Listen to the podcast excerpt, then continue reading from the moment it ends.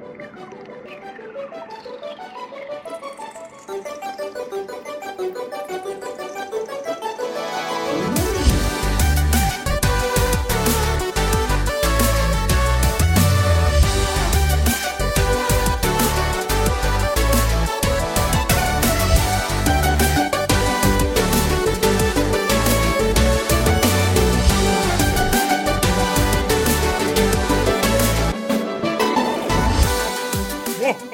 Guri malla, nå er det skummel stemning her! Oh, Gryfylde gøfs. Gryfylde gøfs. Jeg kjenner hårene reise seg og vandre ut av lokalet her. Jeg er plutselig hårløs. Hjertelig velkommen tilbake til Sidequest. Det er en fin tid å være glad i spill på. Det er vinter, i hvert fall hvis du hører dette på Patrion. Det er kaldt ute, varmt inne foran våre eh, veldig varme PlayStation 4 Pro-er, som er altfor varme. Ah. de, de å Det er den tiden av året hvor PlayStation 4 Pro-ene er altfor varme. ja. Um, og vi koser oss med spill. Med meg er selvfølgelig, som dere har hørt for lenge siden, uh, spillekspert, tavlekrittspisende og eh, hobbyfotograf. Ja, absolutt. Hobbyfotograf. Hobbyfotograf. Ta, takk skal du ha. Ta hobbyselfier av meg som spiser kritt. Var det kritt eller krutt du sa? Det var kritt, ja. Kritt, ja. Hvordan har du det? Jeg har det fint, jeg. Ja, Jeg har det. Det var hyggelig at du spurte om jeg hadde lyst til å være med nok en gang. ja det um, Sier ikke nei takk til det. Sidequest skal jo ut hver uke. Ja. Og jeg har generelt vært flink på å på en måte være i forkant, men noen ganger så er det sånn at planer ramler sammen i siste liten. Og da er det noen man må bare Who you gonna call? Og så må Ja. du sende opp et sånt bat-signal på himmelen. Og der er det bilde av en krittspisende hobbyfotograf på, på mitt bat-signal. Og da vet jeg hva det betyr. Ja. Andreas trenger meg ned på House of Nerds. Ja, og du kasta det rundt du, og kom opp med to fantastiske temaer til Sidequest vi skal lage i dag. Ja. Den første skal dere få høre denne uka her, og det Åh, jeg ble så glad da du sa dette. Fordi du er jo veldig glad i skrekkspill. Veldig glad. Ja. Og noe av det viktigste for meg med nerdelandslaget, det er jo å utvide folks eh, forhold til spill. Ja. Altså at de forstår at det er en bred palett. ja, At vi ikke bare snakker om Fifa, Elden Ring, Ja. Call of Duty, de største spillene. riktig. Men at vi også kan grave ned i det deilige kulturuttrykket. Ja, get hands dirty. Get your hands dirty. Og jeg skal ærlig innrømme at da du sendte meg eh, overskriften 'Jeg vil snakke om fem skrekkspill ingen snakker om', så ble jeg voldsomt intrigued. Ja, riktig. Og da du også sendte lista over hvilke spill det var, så ble jeg Ja. enda mer glad! Åh! Ja, jeg gleder meg til dette. Kan, kan jeg spørre grunnen til at du ble glad? Var det sånn at du er enig, eller var det ting du ikke har hørt om, eller er det Ja, For det første, det er en god kombinasjon her. Det er Ja. masse jeg ikke har hørt om. Ja? Og så er det et par som jeg har hørt om og tenkt Ah, shit! De, ja. De, de sk- slip through my cracks and fingers. Yeah, yeah, yeah. Hell yeah, brother. Men, eh, men generelt for alle er jo at jeg har googla det, jeg har sett på YouTube-videoer av gameplay, og alle eh, virker veldig bra. Veldig gøy. Kult. Uh, det jeg har sett av mottakelser, er at de er godt mottatt. Så det blir veldig spennende å snakke om disse. Og jeg lurer også på hvorfor er det ingen snakker om dette. Dette er Ja. Mm. Riktig. Ja, nei, jeg, eh, jeg aner ikke. Dette er, spill, som- dette er spill som er veldig personlig for meg. Mm. Dette er spill som jeg liker veldig godt. Mm. Og uh, mange av disse, når de kom ut, så var det sånn live and breathe dette ene spillet. Mm. Det var ingenting annet i en periode. Ikke sant? Um, så supersubjektiv uh, personlig liste. Mm, Perfekt. Så er det sikkert spill her folk har hørt om og fucking hater. Og sånt er drit, piss og drit. Og det går helt greit. Selvfølgelig. Og så, Dette var min personlige liste Ja, ja. med spill jeg har lyst til å snakke om. Ja, og Det er akkurat det Sidequest er til for. Det er da det blir gøy å både snakke om for oss og høre på også. Så bare sånn overordna så er jo egentlig skrekksjangeren en sjanger som jeg tror at jeg er veldig glad i. Eh, Det har blitt en sånn meme i nerdelandslaget at jeg er livredd og hopper og, og tisser på meg hver gang jeg Ja, ser jeg har, slemmene. hørt, eh, jeg har hørt dette. Eh, og det er jo for så vidt sant. Men samtidig så elska jeg Silent Hill 2. Ikke? Mm. En av mine mest overraskende sterke spilleopplevelser, som jeg Mm. synes var helt fantastisk. Jeg ønsker jo å åpne mer opp for denne sjangeren, og Mm. i hvert fall de spillene som klarer å holde seg unna jump scares. Og dette, de spillene på denne listen her syns jeg absolutt er i kategorien ikke noe jump scares. Men det er også liksom i kategorien ikke nødvendigvis pisse i buksa, dritskumle. Mm. Men det er mer sånn De er horrorspill i setting og miljøer og karakterer og atmosfære, og ikke nødvendigvis i store scares eh, i- oppi trynet ditt. Ja, og det er jeg veldig glad for. Jeg er kanskje litt uenig med, det, med, med førsteplassen på lista di, men Det- det, kommer vi tilbake til. Det kommer vi tilbake til, og det skjønner jeg. Og det er derfor, derfor han er på Og du er uenig med førsteplassen på listen, at det er en av de? Ja, altså ikke, den, ikke det første spillet vi skal snakke om, Nei, men, det som spill nummer én. spill nummer én. Ja, Det skjønner jeg. Det, det er ganske spooky spill. Vi, vi, vi kommer dit. Vi, vi kommer dit, ja. Mm. Vi begynner ved eh, 14. juni 2011. Um, aller først, før vi sier noe mer, vil Mm. du si at folk som plukker opp disse spillene på lista di i dag, kommer til å ha en god opplevelse med det, eller er de daterte? Noen av dem. Oi, godt spørsmål.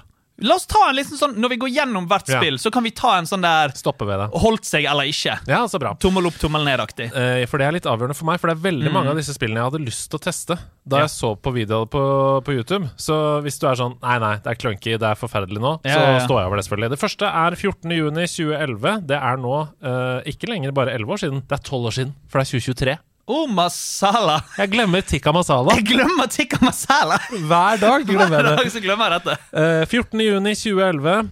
Sjukt gøy gameplay. Utrolig kul take på en verden som vi kjenner fra før, nemlig Alice Madness Returns. Alice Madness Returns. Who the fuck is Alice, Alice Madness Returns.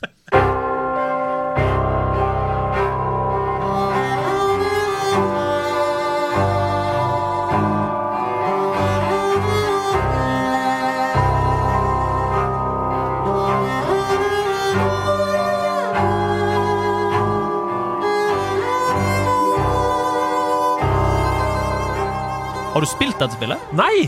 Oh, ja, men, okay. men eh, da det kom, så var jeg veldig intrigued av det, fordi jeg syns coveret var dritfett. Jeg syns Mm. eh, arten var helt konge, men 2011 er et litt sånn limbo um, Spillelimbo? Ja, eller sånn Det er jo noen faser av livet hvor man spiller sjeldnere sjeldnere enn man gjør. Og Mm. Ja. 2011 for meg er bare Skyrim. Det er bare Skyrim. Mm, absolutt. Ja. Etter, etter november 2011. Så uh, det kan godt hende at dette kom før. Ja, det kom i juni den sommeren, men ikke sant? det var bare sånn ja, ja, ja. Det var bare det vi så fram til Og, og Du spilte ingenting før Skyrim, for den tiden brukte du på å vente på Skyrim. jeg og så når Skyrim kom ut, så var det ikke noe annet enn Skyrim. jeg, jeg tror kanskje at Skyrim, det tror jeg jeg snakka litt om før òg, var Mm. en slags sånn gjenoppliving av en spillgnist, da, hvis du skjønner? At det var en periode der, sånn 28 til 2011, jeg ikke spilte Mm. sånn veldig mye. Og så kom Skyrim og bare boom! Smelte opp igjen. da Så ja, men jeg så jo video av det. Hørte jo på eh, podcaster som snakka om eh, spill på den tiden, selv om jeg ikke spilte så mye selv. Så Alice Madness Returns, fortell. Ok, så Alice Madness Returns er en oppfølger av spillet Uh, American McGee's Alice. American oh, ja. McGee er da designeren av eh, Alice, Mm. som var et PC-spill fra 2000, tror jeg. Mm. Og jeg hadde alltid lyst til å prøve Alice, men jeg, vi hadde ikke noe, vi har ikke noe PC hjem. Nei. Så det var, det var ingen mulighet for meg å spille det spillet, men jeg har alltid lyst til å spille. Så når Madness Returns ble annonsert, da var det sånn her OK, yes, nå får jeg også lov til å være en del Ja, av dette universet her. kult. Um, dette har på en måte ingenting med Alice Madness Returns-spillet å gjøre, men jeg husker når jeg kjøpte spillet, Gleden masse, kom hjem, poppet inn og åpnet coveret. Der var det en nedlastbar kode til det første Alice-spillet. Oi! For første gang på konsoll. Wow. Så de har liksom portet det for Alice Madness, Alice Madness Returns Ja. til å spille PC-spillet Alice på konsoll. Ja, Og den her eneste måten å spille det er gjennom den nedlastbare koden fra Madness Returns. Du kan ikke kjøpe det inne i butikken. Ja. Nei, Det er jo fantastisk, fordi dette kommer jo på uh, PlayStation 3 Mm. og Xbox 360 i tillegg til PC. da Men du spilte det kanskje på PlayStation 3? Du? Ja, jeg, jeg spilte PlayStation 3. av Men-. Spilte du det da det kom? Ja. For det var jo en ganske spesiell sommer med norske øyne. Sommeren 2011. Det var jo 22. juli. Riktig. Ja. Um, og det, jeg, jeg bare husker at det prega meg veldig mye i den Mm. perioden. Jeg syntes det var vanskelig å ta inn så mye annet på den tiden. Mm. ja. Men, eh, men var det Dette kom i juni, så det kan hende at du spilte det jeg spilte dette på release Ja, du gjorde det. Ja. når det kom ut. Da var det nok kanskje til og med ferdig, da, måneden etter. Det vil jeg tro. en eh, halvannen måned etter. ja. Mm. Det vil jeg absolutt tro. Det som er gøy med Alice Madness Returns, er at det ser ut som et veldig sånn der lineært plattformspill. Ja. Og det er det jo, men det er langt. Det er beefy spill. Det er For å være et PlayStation 3 sånn type spill, så tar det liksom 15-18 timer Oi, å shit. fullføre. Ja, det er kjempebeefy. Um, uansett, da. Uh, spillet handler om Alice. I det første spillet um, så uh, Så tror hun at hun er grunnen til at huset hennes brant ned og hele familien døde. Oi, det er kjipt å leve med. Det er veldig kjipt å leve med. Så hun blir lagt inn på et sånn insane asylum, hvor hun uh, til stadighet uh, rømmer inn i Wonderland. Ja, Dette kjente Wonderland, Alice i Wonderland-universet som vi kjenner til. Men hennes Wonderland er fylt av hennes traumer og frykter og eh, tanker, og det er liksom fiender som er ute etter å ta henne og myrde henne og drepe henne og veldig mange kjipe ting. Og det var litt sånn et straight forward hack and slash.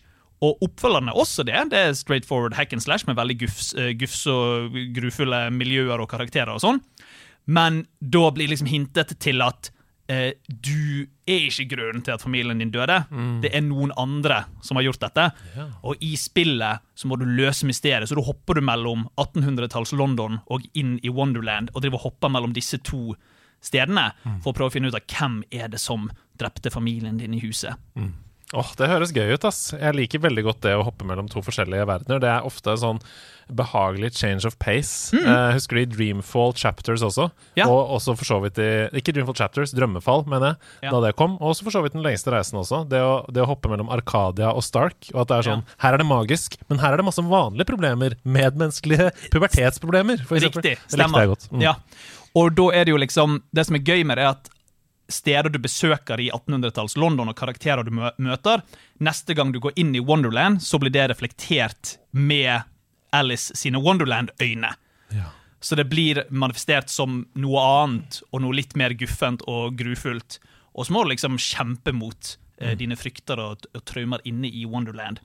Det høres veldig spennende ut, men uh, det jeg beit meg merke i, som jeg også har nevnt et par ganger, er jo gameplayet. Jeg syns Ja. fightingen og sånn eh, ja, Er det lov å si litt tidlig FromSoft, da? Du må liksom dodge og finne weak points på baksiden av fiendene og Ja, jeg skjønner hva du mener, og du, du har et godt poeng. Det var faktisk Det var mindre straight forward hack and slash enn jeg trodde. For akkurat som du sier, det er noen, noen fiender som har liksom skjold foran seg, som må komme deg rundt, navigere deg rundt og ta de, slå de bakfra, liksom. Og så er det sånn rød, lysende Ja. eh, ting på ryggen, for eksempel, som er sånn Her skal du slå! Helt Ja, ja, ja, ja. Helt åpenbart at skal skal slå. Og, men, det, men det er ikke så, det er ikke så FromSoft. Det er Nei. mer i God of War, Ja. PlayStation 2 hack and slash-territoriet. Skjønner. Og så ja, det, det, det er veldig gøy combat, veldig gøy plattforming. Og så er det liksom Det er dette veldig sånn i grenseland å kalle for et skrekkspill, eh, men det tar for seg veldig sånn heavy tematikk på en litt sånn cartoony måte, men de klarer å gjøre det litt sånn eh, guffent i miljøene og karakterene. Eh, allikevel så det er en sånn ubehagelig, unsettling stemning uten å være egentlig spesielt skummelt, men Ja. det er fortsatt i horror-territoriet. Ja, og dette spillet er jeg bare veldig eh, glad i. Syns er veldig gøy å spille. Om det har holdt seg, tror jeg ikke. Nei. For jeg tror frameraten er ubrukelig. Ja, ja, jeg tror det er ille framerate, altså, men en Ille. ille framerate. Um, og jeg har, det skal sies at jeg fikk jo melding av deg i går som spurte om jeg hadde lyst til å hoppe på Sidequest. Forrige gang var det, så hoppet jeg jo inn og prøvde å spille litt av spillene jeg hadde lyst til å snakke om. Eh, Jeg fikk ikke gjort dette Nei. denne Nei. gangen, men jeg tror ikke det har holdt seg. Nei, nei. mange av den uh, spillene fra den æraen har jo ikke det. Nettopp det. fordi det hakker og sliter litt og, og sånne ting. Eh, men ja, det, jeg syns fortsatt det ser eh, spennende ut. Jeg liker også det eh, aspektet som jeg også husker fra Silent Hill 2, som er sånn at byen er forskjellig ut fra hvem som oppsøker den. Det er jo det Ja. du sier nå. Alice sitt Wonderland er annerledes enn noen andres Wonderland. Stemmer, helt riktig. Det, Og det, det er sånn typisk sånn psykedelisk horrorgrep, da. Ja, absolutt. Også som sagt, det er liksom Hennes Wonderland er noe annet i starten av spillet enn lenger ut i spillet, hvor du oppsøker flere mennesker og får løse litt mer av mysteriet om hvem det var som drepte familien din. Da blir hennes Wonderland mer og mer warped og eh, trippy og eh, ja, litt mer guffent og sånt. da. Veldig kult. Vi skal gå videre. Jeg skal bare si kjapt Mm. at under den YouTube-videoen jeg så gameplay, så var det mange eh, kvinner som hadde skrevet flere på ulike varianter nedover at Alice var eh, et stort forbilde for dem da de Mm. var yngre, fordi hun var en badass, kul, kvinnelig eh, spillfigur Mm. som med et på en måte yndig ytre moste folk. Ja. Eh, uten å spille noe på sex eller noen ting. Det var Mm. bare en kul kvinnelig spillkarakter som, de, som gjorde mye for dem. da Ja. Nei, det, det er helt det er helt ja, det er helt riktig. Det er null liksom seksualisert eh, med Alice, eller Mm. noen av de andre kvinnelige karakterene i det spillet. Ja. Eh, I motsetning til kanskje noen spill vi kommer tilbake til senere, fordi horror er veldig sånn Ja, samme. Ja, spesielt japansk horror. Og, Spesielt. Mm. Ja. Mm. Ok, Vi skal til 7. august 2003. Mm, 2003, Nydelig år. Oi, var det 2003, altså? Ja. Oh. Um, basert på en TV-serie. I stemmer. Um, søte karakterer, masse humor. Mhm. Men kanskje litt Resident Evil inni Ja. også. Bra, Vi skal til Gregory Horror Show.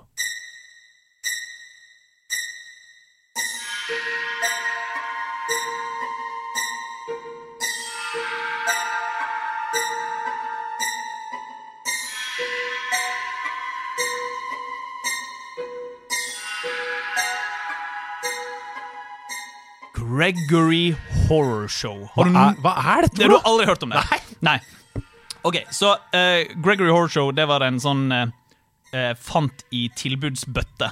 PlayStation Åh, det er de beste spillene. Ja, ja, ja, ja. Space World, det er tilbudsbøtta. Space World tilbudsbøtta. No one can stop Mr. Domino! Det var mitt uh, Space World Det kjenner ikke jeg til. Hva er det for noe? Det kjenner du ikke til. Nei. Det kan vi snakke om i et dypdykk i en Å, annen ok, episode. Gjør en dypdykk på Mr. Domino. Men uh, Gregory Horshow, ja, jeg har null kjennskap til det, men jeg syns bare coveret så så utrolig gøy ut. Og det er jo som du sier, den har en veldig sånn barnslig estetikk. Veldig fargerik. Karakterene er ikke realistiske i det hele tatt. Veldig blocky. De ser ut som, de ser ut som blokker, bevisst, liksom. Det ser ut som en veldig sånn tydelig tidsperiode Ja. i animasjon. Ja. Jeg føler at det var flere andre typer underholdningsprodukter, serier og sånn, som også så litt sånn her ut. Absolutt. Det er Kanskje Psychonauts? Skjønner du hva jeg mener? Jeg skjønner, sånn jeg skjønner absolutt hva du mener, for det det er 100% et stilistisk valg. Det er ingenting med liksom sånn her hardware, og de kunne ikke klare å gjøre det bedre. Det er absolutt et stilistisk valg de har gått for. Men uh, det som du sier, det er basert på en veldig obskur japansk uh, CGI-TV-serie fra sent 90-tallet, som jeg har liksom i ettertid prøvd å se noen episoder på. Og det er en veldig sånn David Lynch-aktig serie. For i serien, sånn som jeg husker episodene, så er det bare ett skudd. Det er ett total med en karakter langt unna i en korridor, som har en lang monolog og bare kommer gående veldig sakte mot deg før den ender opp helt opp i trynet ditt. Og så var episoden ferdig. Så hver episode var bare en lang monolog med en veldig sånn ubehagelig blokkete figur som kommer tassende rolig mot deg. Ja, det er scary. Det er veldig scary, og spillet eh, handler om et eh, lite barn som eh, mystisk vis begir seg ut eh, til- på hotellet til eh, Gregory, som heter The Gregory House. Kommer seg inn der, og Gregory sier eh, 'Konge, at du er her, vær så god, her er rommet ditt, Eh, gå og legg deg'. Eh, og, du, og Gregory er en bitte liten mus. Litt, Ja. litt sånn firkantet mus Ja. som eier hotellet. her. Og når eh, du går og legger deg, så blir du eh, besøkt i drømmene dine av døden, eh, som sier til deg at eh, nå er du fanget i hotellet. Men jeg kan hjelpe deg ut hvis du hjelper meg med å finne tolv sjeler som er på hotellet her. Så hver natt så møter du på nye karakterer som holder sjelene til ofre som har vært der tidligere. Og da må du snike deg rundt på hotellet, veldig Resident Evil-aktig. Plukke opp items, eh, puzzles, bruke de, låse opp dører. Det kommer fiender, du må holde deg unna, så du må gjemme deg bak dører. Veldig sånn Resident Evil-oppskrift på det. Og det, grunnen til at det er skummelt, er jo fordi det har litt den der David Lynch-følelsen. Den der ting er rart og ubehagelig Litt off, liksom. alt er jævlig off. Og liksom, karakterer som blir introdusert, er veldig over the top og teatralske, og det er egentlig funny, og så ler du av det. Og så er det sånn, ok, men det er ikke så morsomt, gi dere nå, vær så snill. Slutt, å, slutt å være funny nå. Og liksom, eh, ja, det blir bare superubehagelig Ja. eh, etter hvert. Dette er jo et spill som barn kan spille, egentlig. Ja. Men jeg tror jo eldre du blir, så jo mer Plukker det opp. Pluk, Riktig, riktig, ikke sant? Og spesielt sånn Jeg vet jo ikke om det går an å spille dette spillet nå, så er det hard PlayStation 2, men om du skulle spilt det Jeg har jo ikke lyst til å spoile hvor det går hen, men det blir ganske sånn guffent mot slutten, og karakteren har en sånn der stor eh, revelation som er litt Silent Hill-aktig. Sånn her, og huset er egentlig dette, og det er en sånn, ja, ja. går inn i sånn psykologisk territorium, og så er det sånn søtt lite spill med firkantede Wow. figurer. Og ja, det er veldig sånn jeg har ikke sett noe som dette før. Nei, det virker jo som det bor veldig mye i dette, da. Som Mm. bare ved, man ikke får med seg bare ved å se på coveret eller se, se på noen screenshots, liksom. Ja, ja, ja, absolutt. Så nei, jeg eh, elsker Gregory Horror Show. Det er ikke et spill jeg har spilt masse. Fullførte ikke når det kom ut. Jeg fullførte mange år etterpå. Og Jeg liker det veldig godt på grunn av at det er så unikt. Og så er det på ekte, det er på ekte spooky. Også når du har karakterer, har lange monologer. De er sånn hviskete, lange monologer, og så ligger det på sånn still, et bilde stille av dem. Ja, det er skikkelig ekkelt og uggent eh, opplegg. Uh, men uh, sjekk det ut. Ja. Det syns jeg har holdt seg, på grunn av det, er, det er jo clunky som Ja, greit, det er clunky, men jeg syns fortsatt det har holdt seg fordi at Det var liksom Sist gang vi pratet, så var du på at Psychonauts har ikke holdt seg. Som jeg er på en måte enig i, men samtidig så er det så unikt at jeg føler at du kan se på det med øyne av når det kom ut. Ja, jeg er helt enig. Og estetisk syns jeg Psychonauts har holdt seg. Ja, absolutt. Men det er det clunkinessen. Du sliter med å treffe når du hopper oppover blader. Bare i den første Ja. scenen så sliter du med å treffe hvor du skal. Fordi Ja. du klarer ikke å se i dybden og sånn. Og det er kanskje det jeg tenkte mest på da, men jeg er helt enig at den estetiske stilen Mm. er såpass unik da, at det gjør ikke noe. De prøver ikke å lage fotorealistiske folk her, liksom. Nei, Sånn som det var på PlayStation 2 og 3. Riktig, og jeg tenker det er litt det samme her også. Ja. Man snakker om denne Super Nintendo-stilen, den er tidløs. Mm. PlayStation 1-stilen er ikke tidløs, Nei. for den blir drita stygg Ja. over tid. Mens Gregory Horror Show og Psychonauts det var jo spill som gjorde en bevisst stil, Ja. igjen basert på hardware og hva de kunne få til, men fucking Metal Gear Solid og sånn prøvde jo å få det til å se realistisk ut, Ja, og nå ser det drit ut. Siphon-filter og sånt, det ser jo ikke bra ut nå. Nei. Men uh, ja, jeg ja, veldig, veldig fan av Gregory Horror Show. En liten sidetrack før vi går videre. Absolutt. Et av de få spillene som jeg faktisk mener er tidløse fra mm. PlayStation 1-æraen, det er Wipeout. Racingspillet. Ja, og det skjønner jeg. For det er polygoner som er Mm. sånn Det skal være futuristisk, skarpe kanter, sånne ting. Absolutt. Så det syns jeg har holdt seg. Men ok, vi skal videre. Men jeg er enig med deg. Wipeout. Absolutt. Nummer tre på lista, eh, november 1988. Jeg er rett og slett bare noen måneder gammel Mm. når dette spillet kommer. Det er bra jeg ikke spiller det da, for da hadde jeg fått evig arr i sjelen. Mm. Uh, men akkurat nå så har jeg dritlyst til å spille det. Ja. Klassisk arkade beat em up, men sidescrolling. Mm. Dette er Splatterhouse.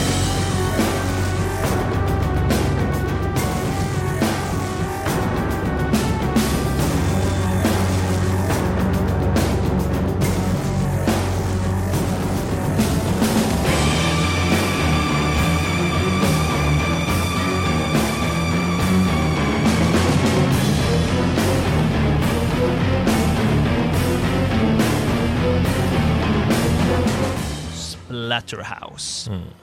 Så Splatterhouse um, spilte jeg da jeg var liten, hadde en datamaskin som Ja, Andreas, den hadde en emulator. Nei! Den hadde det. Men du må huske, jeg var liten Ja, ja, vær så god, trykk på den knappen. Takk skal du ha. Det var en utrolig sakte hånd som gikk rolig bort til miksebordet for å trykke sånn- på Fire. Jeg har så mange nye lyder. Jeg har Så hørt det. så jeg prøvde å tenke i hodet sånn Hva er det som passer best her nå? Vi går for Shots fired. Skal vi, skal vi gå for shots fired, eller skal vi gå for You're goddamn right. Nei, vi skal Den er ikke litt det. kul, den òg, da. Ja, den er kul, men det har ikke noe med jeg, Ja, jeg hadde emulator. You're goddamn right you had! Jo, men det er jo på en måte Kunne vært noe. Men eh, ja, jeg hadde en emulator, um, og dette spillet var vel Gud, nå husker jeg ikke hva det var faktisk det var på. Om det var på Atari eller det var på en eller annen Sega-konsoll. Jeg har det foran meg her, så jeg kan eh, både be og avkrefte uh, dine ting, Ja. uh, som du sier. Det kom aller først på Arkade. Eh, Men la oss se. It's a beat 'em up arcade game. Namco. It was the first in a series of games released for home consoles. Uh, bu- bu- bu- ports. uh, TurboGrafx. TurboGrafx 16. Stemmer. Ok, det var TurboGrafx 16. Ok, så eh, spilte TurboGrafx 16 uh, Splatterhouse. Klarte aldri å fullføre det. Det er helt forferdelig vanskelig. Men det er som hun sier, det er sidescroller, veldig inspirert av uh, 80-talls horrorfilmer. Ja. Uh, hovedfiguren har en eh, hockeymaske, basically rip-off av Jason. Selvfølgelig. De kaller det ikke for en hockeymaske, de kaller det for en terror mask. Selvfølgelig. Og Terror Mask eh, er egentlig en eh, kar som heter eh, Rick. Eh, som har tatt på seg denne masken og transformert seg om til dette monsterfyren. Denne muskelbunten uh, som er hovedfiguren i Splatterhouse.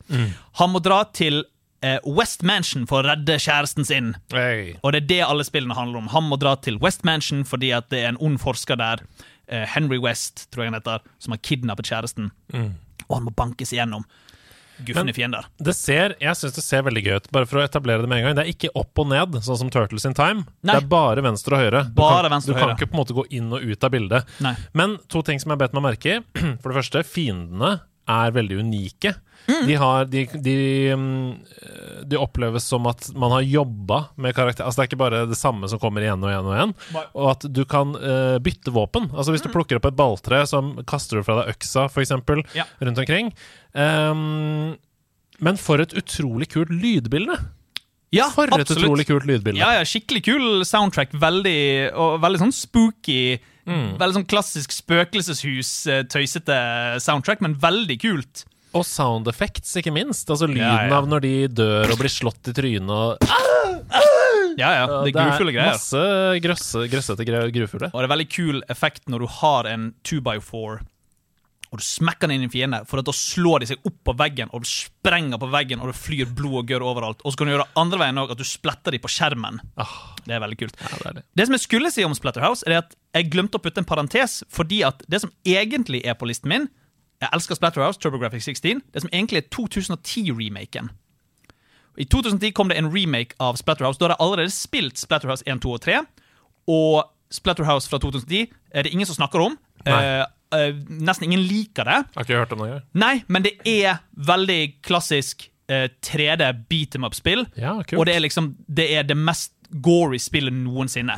Så hvis du syns det, syns det er gøy med blod og gørr, så kommer du til å like Splatterhouse. Det er liksom innsalget. Ja. Det er mye blod og gørr, og det er veldig heavy metal-soundtrack. Ja, ja, ja. Så det er masse lisensierte låter av sånn Mastodon Oi. og Lamb of God. Hei, det er jo dritfett. Det er dritfett, så du er, det bare pumper heavy metal mens du løper rundt og dunker fiender, og bare hele skjermen blir fylt med blod. Høres ut som en veldig fin helg. Veldig gøy. Det er kjempegøy. Uh, og eh, det er liksom samme historie. Uh, Rick og kjæresten Jennifer skal dra til West Mansion, for Jennifer jobber som en journalist.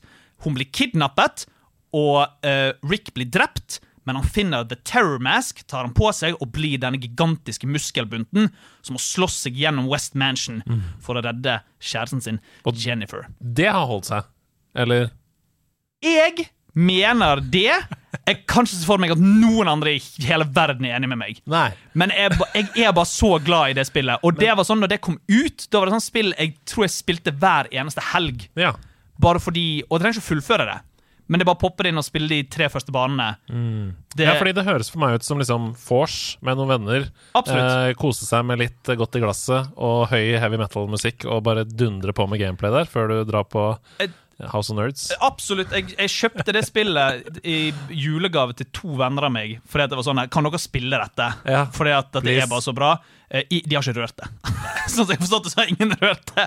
Folk har null interesse av det. Det er trist. Dårlige venner. Det, det, det, det er veldig gode venner, men det, men det er veldig trist, for dette spillet er uh, utrolig kult. Og det er det som er også kult med 2010 Splatterhouse. Hvis du fullfører spillet, så låser du opp en secret ting i menyen. Alle tre originale Splatterhouse-spillene. Så du kan spille Arkadespillene på din PlayStation 3. Wow, det er value. Ja, de har bakt inn. Det er helt det er utrolig. ja. Ok, Vi holder på med lista fem skrekkspill ingen snakker om. Ja. Hvis dere har glemt hva det er Ja. Mm. det handler om. Vi snakker om det, men det er ingen andre som snakker om det.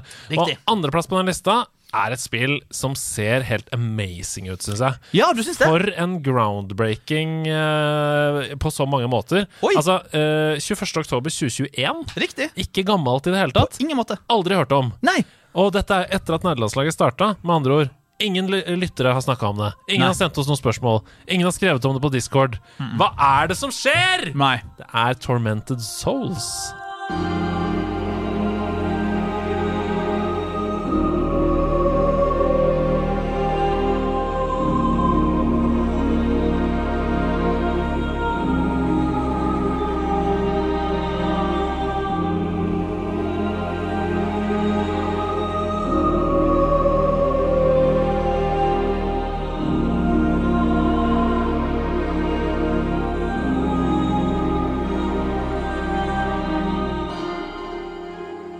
Tormented Souls.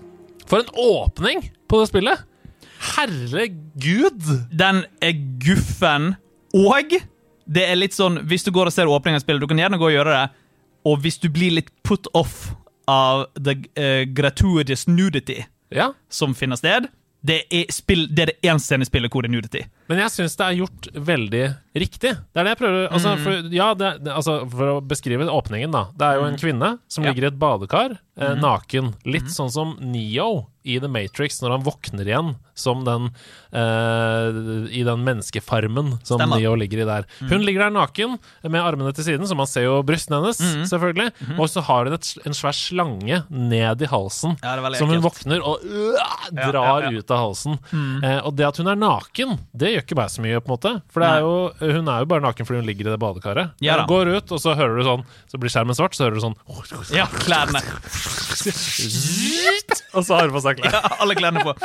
Så det er det eneste scenen hvor det er liksom Det er ikke et sånt spill, er poenget mitt. da Neida, liksom, Man kan jo- se det ved første utkast og tenke Å herregud, hun skal være naken gjennom hele spillet. Men Nei. eh, nok en gang, øverste kommentaren under YouTube-videoen This game is literally every 2000s Japanese survival horror game merged together. Ja. Og det er jo en greie med den estetikken og Ja. den sjangeren. Yes, ikke sant? det er helt riktig. Ja, jeg, jeg opplever det ikke som noe sånn spekulativt at Nei. hun er naken i det Nei, bassenget. nei, nei, nei, nei, absolutt ikke. Men nei, det som du sier, det er et spill som er veldig inspirert av liksom Clock Tower, Fatal Frame um, Resident Evil. Sil- Haunting Ground, som absolutt kunne vært på listen. Ja. Uh, men uh, Ja, og alle disse typer spillene. Veldig inspirert av det. Det er jeg, Når jeg var på gjest her, liksom selve hovedsesongen, eh, da eh, snakket jeg så vidt om Tormented Souls. Jeg tok det så vidt opp fordi at jeg snakket om Resident Evil 2, og at det er en veldig sånn fin opplevelse for meg og samboeren min å spille sammen. Og vi fikk nøyaktig samme opplevelse med Tormented Souls, hvor det er et eh, Du er denne kvinnen som skal gå og løse en Det, det er et tvillingpar, et tvill, tvillingjente som har forsvunnet, og last known location var denne forlatte, dette forlatte insane asylumet. Så du drar for å prøve å løse det mysteriet. Når du kommer inn, slått i bakhodet, og du våkner opp i dette badekaret, og du mangler et øye. Det er også en del. Du mangler et øye. Og da er det veldig sånn klassisk Resident Evil til fixed kameravinkler. Og du går rundt, og det er puzzles, det er fiender du må slåss mot. Og puzzlesene er dritbra. Puzzlesene er så bra, og de er så komplisert og vanskelig. Og det som var gøy med Tormented Souls, var det at igjen, det er bare at ingen snakker om det. Det var en puzzle vi satt fast på, og veldig ofte når vi sitter fast på puzzle, da får Aurora, som er samboeren min, hun får jobben om å den gledelige jobben. Hun sjekker opp en puzzle. Og hun sier ikke til meg hva jeg skal gjøre, det er bare hun sitter på fasiten. Ja, så så når hun hun- ser at jeg sliter, da kan hun komme med et lite sånn lite hint. litt, da. Åh, det er det beste! Sånn at jeg slipper å lese, for hun har ingenting imot å vite hva som skjer. Nei. Og da var det en puzzle vi satt fast på, og vi måtte google oss fram, og det sto ingenting om det. Wow. Vi fant ingenting om det, for det er ingen som snakker om dette spillet. Det har, det, sånne ting som det der har jeg først opplevd etter at vi starta nederlandslaget. For da har vi jo begynt å få spill og anmelde før de kommer. Og det å stå fast i et spill som ikke fins ennå, Ja, ja, det er ja. helt sjuk ja det var opplevelse! Bare sånn du prøver. Du, det er du, hva er vitsen med å google? Nei. Det, det eneste måten er å ringe til noen andre som anmelder spillet. Ja, ja, ja. ja. ja men det, jeg, jeg har tenkt på det med Elden Ring og sånt òg. Det å liksom kunne oppleve sånne ting uten å ha sett noen screenshots fra Twitter med folk som har liksom lagt ut ting. Det, Og det er ikke noe fare ved å gå på internett, fordi du Nei, det er det. Ja. Du vet at du er den eneste. Ok, Men uansett, Torment of Souls, helt utrolig, helt utrolig bra. Litt janky i grafikken, og Mm. liksom kom alt, alt er litt sånn halvveis sånn euro-jank Mm, i, i estetikk og stil og sånn, men det, det er bare drita bra. Ja, Hvis du er- liker de type spillene, Resident Evil 2 uh, remake, ja, du kommer til å elske dette. Jeg syns det så ekstremt stemningsfullt ut, og veldig, veldig skummelt. Det er skummelt. Det er skikkelig skummelt. Samtidig som det har den der følelsen eh, Vi har snakka mye om Silent Hill 2, men når du f.eks. møter presten ganske tidlig, Ja. så er det en litt sånn trøstende følelse. Det er et Ja. optimistisk, eh, Mm. til dels soundtrack, som du også får noen ganger i Silent Hill 2. Mm. Du stopper opp og får puste med noe som føles trygt, da, Ja. på en måte. Det, jeg er glad for at de øyeblikkene fins, i hvert fall, i sånne spill. Ja, ja, det er som du sier, det er liksom de der David Lynch-aktige greiene hvor du har en karakter som bare står i et rom, og så er du sånn her Det er helvete rundt oss. Hvorfor i alle dager er dette rommet og denne karakteren er null, Ingenting skjer med deg. Sånn Hvorfor er du trygg her inne? Sånn myk synt i bakgrunnen. Ja, ja, ja, ja. Og så er det liksom inne på Sånne sånn der så det er lik overalt, men allikevel så står denne fyren borti hjørnet og er sånn her, «Ja, dette, dette, du kan gjøre dette og dette. Og så, faen, men dette er dritekkelt. Vi skal videre til det siste spillet på lista, Ja. uh, og her er vi selvfølgelig uh, dypt inne i anti-Andreas-land. Dette her er Pain. Uh, så en boss som var et kamera obscura, Ja. festet på en naken menneskekropp med mange bein som kom ned fra taket, og tenkte hva er det jeg har tenkt å utsette meg for? Ja. Det er selvfølgelig 13.10.2017. Kanskje en av de aller kuleste spilltrailerne jeg har sett Ja, i mitt ja, liv da den kom på gal? E3. Jeg har vist den til så mange som ikke vet noe om spill, som sier sånn Wow! ja, den er dritbra. Det er The Evil Within 2. Hvilken sånn klassisk låt er det de bruker i den traileren igjen? I won't cry for yesterday. There's an ordinary world. Ja. Somehow I have to find Og det er sånn klassisk Hollywood-grep nå i Ja. disse tider. At de bruker klassiske låter i nye versjoner, så du får creepy undertittel. Ja. Eksempel Take On Me i uh, The Last of Us-traileren. Ja, det er mange av de. eh, Og Ordinary World er uh, fantastisk brukt i The Evil Within 2-traileren. Perfekt låt.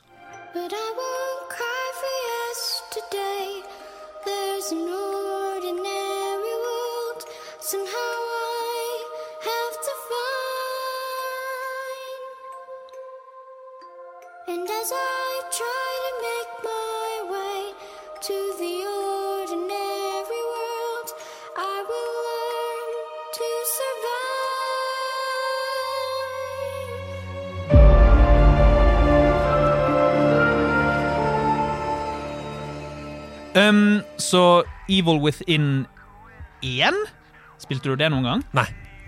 Ok, det var liksom uh, oh, herregud, okay. Andreas. Ok, greit, jeg får vel starte, jeg, da. Uh, det var liksom sånn her um, de, de kalte for The Return of Survival Horror, for dette var Shinji Mikami som hadde gjort Resident Evil 1 og Resident Evil 4. Jeg tror ikke han gjorde regi på 2 og 3. Jeg er litt usikker. Men liksom, de, de, de kaller han for gudfaren av survival horror. Han var tilbake med et nytt spill, og det var The Evil Within. Kom det ut, og så det var et spill som var utrolig komplisert i historiefortellingen sin. Helt sinnssyk law i det spillet. Jeg skal ikke begynne å prøve å forklare det engang, men det var detektiv, skal løse en serie med mord, havner liksom i hjernen til en sånn mastermind, og inni hjernen til denne masterminden, der skjer det masse gufne og creepy ting. Og så begynner han å få sånn revelation om hva denne hjernen er, og hvem som styrer, og hvem som kontrollerer, og så blir det sånn sci-fi-opplegg etter hvert. Men uh, det er først og fremst veldig intens survival horror og veldig mye sånn body horror. Veldig mye blod og gørr. Og jeg elsket det første spillet. Folk likte det ikke. Ja, det er rart. Så når The Evil Within 2 kom ut, så var jo allerede folk sånn eh, fucking, Jeg likte ikke det første så mye, så det solgte veldig mye mindre enn det første spillet. The Evil Within 2 er så sinnssykt mye bedre Ja. enn Evil Within 1. Ja, for det er det jeg har hørt òg. Og Det er så bra. Det er det folk sier. Ja, og det er fordi at det har liksom Det, har- det, det har liksom designfilosofien til Resident Evil-spillene. Og så har det gameplayet til Last of Us. Det er veldig inspirert av eh, Last of Us uh, sin gameplay.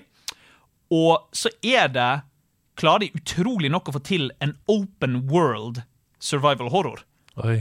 Så det er en, greit nok, den er ikke stor, og det er liksom sånn utover i spillet så skjønner det er mer sånn fl flere åpne områder. Men de er såpass åpne at man kan gå under kategorien open world. Og da er det så kult når du havner på et område som ikke er scriptet, men så plutselig får du en sånn haunt hvor det faktisk kommer et spøkelse og prøver å angripe deg. Og så har du sett på YouTube noen andre som fikk det på et helt annet sted. Og så skjønner du det er ikke scriptet til det området. Det er bare sånn der, nå skjedde dette plutselig. Og så det heldigvis, heldigvis så var du i nærheten av det huset, sånn at du kan kjappe og gjemme deg. ikke sant? Mm. Det er ikke noe sånt som skjer veldig ofte i spillet, men det er sånn veldig kult. Det eh, digger jeg. Ja, og Det er mye mer levende verden da. ja, det er akkurat det. Og det er jo liksom en sånn jævlig suburban by som, fall, som er falleferdig, for at han må jo dra inn igjen i denne hjernen. Uh, han er uh, vår detektiv Sebastian Castellanos må dra tilbake til denne hjernen og redde datteren sin, som han trodde var død, fordi at dette selskapet har brukt datteren som eksperimenter, så hun har også inn igjen, så nå må Sebastian gå inn og redde datteren sin. Veldig sånn helt, helt umulig historie å følge. Men eh, du skjønner, det er en far som prøver å redde datteren sin i en skummel verden, og det er monstre overalt. Og det holder, det. Det holder, det. Og Mm. det er så stemningsfullt og atmosfærisk, og det er fullt av utrolig skumle sekvenser. Mm. Så det spiller på listen som er helt ufattelig skummelt. Ja, fordi det ser helt grusomt ut. Alt jeg har sett av video av det, gjør at jeg tenker Å, dette ser så bra ut! Ja. Og jeg blir livredd, og jeg Ja. kommer aldri til å spille det. Eh, og det er jeg litt lei meg for, fordi jeg tror at jeg kunne hatt en del store spilleopplevelser da, hvis jeg hadde greid å legge vekk den frykten. Men jeg har, vet du hva, jeg har uh, funnet noen verktøy. Mentale er verktøy. Hva er verktøyene? For eksempel en ting som jeg har glemt å tenke litt over når jeg mm. spiller horrorspill. Det funka veldig bra for meg da jeg spilte Resident Evil Village på streamen Ja. uh, vi hadde. Uh, det, det ble jeg ikke noe særlig redd for. Vi slutta å spille det fordi uh, folk i chatten sa nå er klokka 04.00, jeg orker ikke skrekkspill. Kan dere spille noe annet? Ok, skjønner. Så da begynte vi å spille koselig spill isteden. Men Ja. det ene verktøyet er at å stå i det og få et metablikk som er Dette er en underholdningsopplevelse, det jeg holder på med nå. Og de kan ikke dramaturgisk holde det sånn her for alltid. Det er riktig. Det må komme en pause. Jeg må komme meg gjennom dette. Um, for for uh, alt jeg vet om historiefortelling, tilsier at det kan ikke ligge her de neste to timene. Uh, så derfor så er det et slags verktøy som er sånn uh, Ett steg framover er ett steg nærmere mindre skummelt. Og det er jo liksom, og du har jo helt rett, og det er jo liksom Jeg føler det som er litt sånn vanskelig med horrorspill, er jo nå er jo liksom i en tid hvor alle i hvert fall Triple A-spill skal vare så lenge som mulig, for folk klager så mye på dette med penger. Så du må strekke ut tiden til horrorspill. Alien Isolation, for eksempel. Kjempebra. Altfor langt. Ja. Alt er helvete for langt. Det burde vært et fem timer langt spill. Ja. Det er et 13 timer langt spill, tror jeg. Og sånn som spillbransjen utvikler seg, så vil jo folk også holde deg i spillet, fordi de etter hvert kommer til å eh, putte reklame i spillet, Mm. som de kommer til å bytte ut. Altså De kommer til å selge flater, digitale flater, Ja. sånn som vi selger eh, reklameplakater på gata i dag. Ja. Sånn at når du begynner å spille The Evil Within 2, hvis Mm. du går inn i en by der hvor det er en reklameplakat, så kan den være annerledes to måneder etterpå. Ja, riktig. Ja, ikke sant? ja. På grunn av en Mm. patch. Ja, ikke, Ikke sant? sant? Ja. Og sånn, sånn, da ønsker man i hvert fall å holde på spillerne, da. Ja. Fordi man skal eksponere dem for den samme plakaten med ulikt innhold flere ganger. ikke Mm. Ja. sant? Og det er liksom Ja, nei, absolutt, jeg er helt enig. Og The Evil Within kan også liksom slite litt med det, for det, det er også et ganske beefy spill. Begge spillene er beefy. Evil Within 1 er veldig delt opp i kapitler, men det tror jeg er 14-15 timer langt. Evil Within 2 er nesten 20 timer langt. Så det er store, store saftige Triple A horrorspill. Uh, anbefaler veldig begge to. Spill Evil Within sånn at man kan få Evil Within 3. Ja. Vær så snill. Men uh, må man spille det første for å spille det andre, siden du sier at det andre er så veldig mye bedre? Uh, nei. Se en recap, eller? Se, se en recap, men til og med da, hvis du begynner å klø deg i hodet, så er det bare til å skru av. Altså, det er, du, du skal redde datteren din som er gjemt i denne verden som har gått til helvete. Ja. Get to it. Det var sånn jeg gjorde med Destiny 1 og 2. Jeg spilte jo ikke Ja. ett minutt av Destiny 1, men jeg så tre Nei, ikke tre timer. Jeg tror det var litt over to timer, som var en sånn lang video som godt to tok for seg var han Biff som hadde lagd den, en legendarisk Destiny-youtuber, av hele historielinja. Skjønte ikke alt, Nei, men jeg skjønte de grove linjene. Ja. Og det gjorde meg liksom prima for å begynne på det andre spillet. Ja, jeg prøvde det samme med når Kingdom Hearts 3 kom ut. Dårlig Dårlig idé. Men du! opplegg. Ja, Herlighet for en deilig, deilig liste. Ja, så bra. Eh, fem skrekkspill ingen snakker om, som vi da, både du og jeg, håper at flere vil snakke om og Ja. spille, sånn at vi får f.eks. The Evil Within 3. ja, vær så snill! Eller kanskje et helt nytt spill fra den samme skaperen, for det er jo han du er glad i, egentlig, da. Shinji Mikami. Ja. Ja, jeg er glad i Shinji Mikami og eh, eh, studioet hans, og det eies jo nå av eh, Microsoft. ja. Sist gang jeg var der, så sa jeg at Double Fine er kanskje den eneste grunnen til å kjøpe en Xbox, men nå er det også dette selskapet her. Tango Gameworks heter Ja. de. Uh, men det er liksom gitt at de fortsetter å gi ut skrekkspill, for Ja. det er det de er veldig gode på. Håper noen ble nysgjerrig på sjangeren. Mm. Eh, hvis eh, Et nyttårsforsett kan jo være å ta opp eh, et av disse skrekkspillene. Hvis du ikke er noe vant til å bruke Nei, å spille skrekkspill. Og kanskje begynne på noe som ikke er så skummelt, da. Ja. Og så komme seg inn. Kanskje begynne på Alice. Eller Begynn- begynne på Begynn på Alice. Splatterhouse fra 2010 er fra 2010. kjempegøy. Det er bare liksom adrenalinpumpene. Du, alle elsker jo fucking Doom! Ja. Alle driver og prater om Doom, og Doom er så jævla Du elsker da! Doom. Du som hører på, elsker Doom. Du elsker også Splatterhouse. Ja. God helg, drikk en brus. Ha det bra. Ha det.